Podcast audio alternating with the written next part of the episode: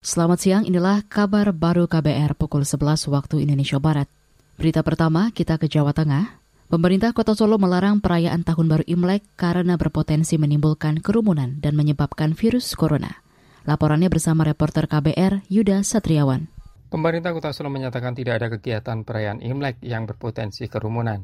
Wali Kota Solo Hadi Rudiatmo mengatakan panitia Imlek Solo sudah berkoordinasi dengan pemerintah kota terkait kegiatan Imlek. Menurut Rudi, kegiatan Imlek hanya dalam ritual ibadah saja.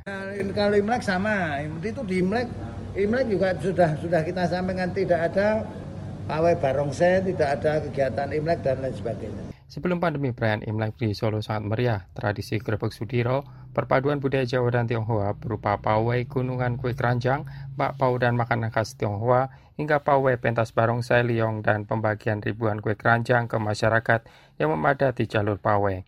Ribuan lampion dan lampion sio yang terpanjang sepanjang Pasar Gede Solo hingga depan Balai Kota Solo menjadi ajang swafoto ribuan warga dan menyebabkan kemacetan lalu lintas. Namun di masa pandemi ini, momen perayaan tersebut tidak terlihat. Hanya kelenteng Tiankoksi yang berada di samping Pasar Gede menggelar ritual ibadah Imlek secara terbatas. Dari Solo, Jawa Tengah, Yuda Satriawan, KBR. Beralih ke informasi lain, Pemerintah Provinsi DKI Jakarta bakal mempercepat proses pengajuan izin gedung atau bangunan. Kebijakan ini untuk menggeliatkan sektor usaha properti dan mendorong pertumbuhan ekonomi Jakarta di masa pandemi.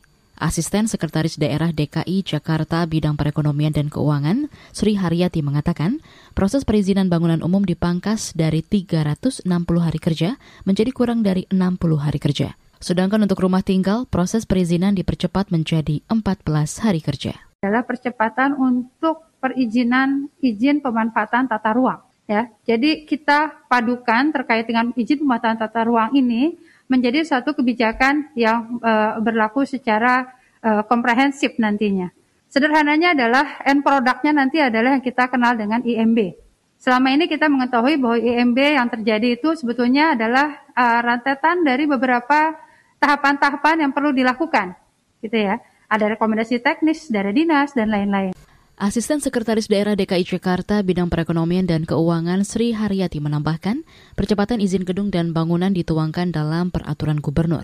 Diharapkan kemudahan perizinan itu bisa mendongkrak sektor properti dan menyerap tenaga kerja dalam skala besar. Pada 2018 lalu, sektor properti di DKI Jakarta menyerap lebih dari 400 ribu tenaga kerja.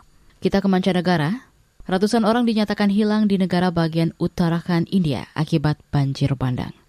Banjir terjadi usai gletser atau bongkahan es di pegunungan Himalaya longsor. India mengerahkan 2.000 aparat gabungan untuk mencari korban tewas dan selamat. Dilansir Associated Press, gletser di pegunungan Himalaya longsor pada minggu lalu waktu setempat. Sejumlah penduduk yang bermukim di sisi sungai Alkananda dan Daulinganga dievakuasi. Material longsor yang berubah menjadi lumpur berwarna abu-abu pekat itu juga menghantam dua proyek pembangunan pembangkit listrik tenaga air atau PLTA. Menurut keterangan kepolisian perbatasan India-Tibet, sebanyak 42 orang pekerja terjebak di dua proyek terowongan di Daolinggaga. Sebanyak 12 orang berhasil dievakuasi, sementara 30 lainnya masih terjebak. Demikian kabar baru KBR, saya Naomi Liandra.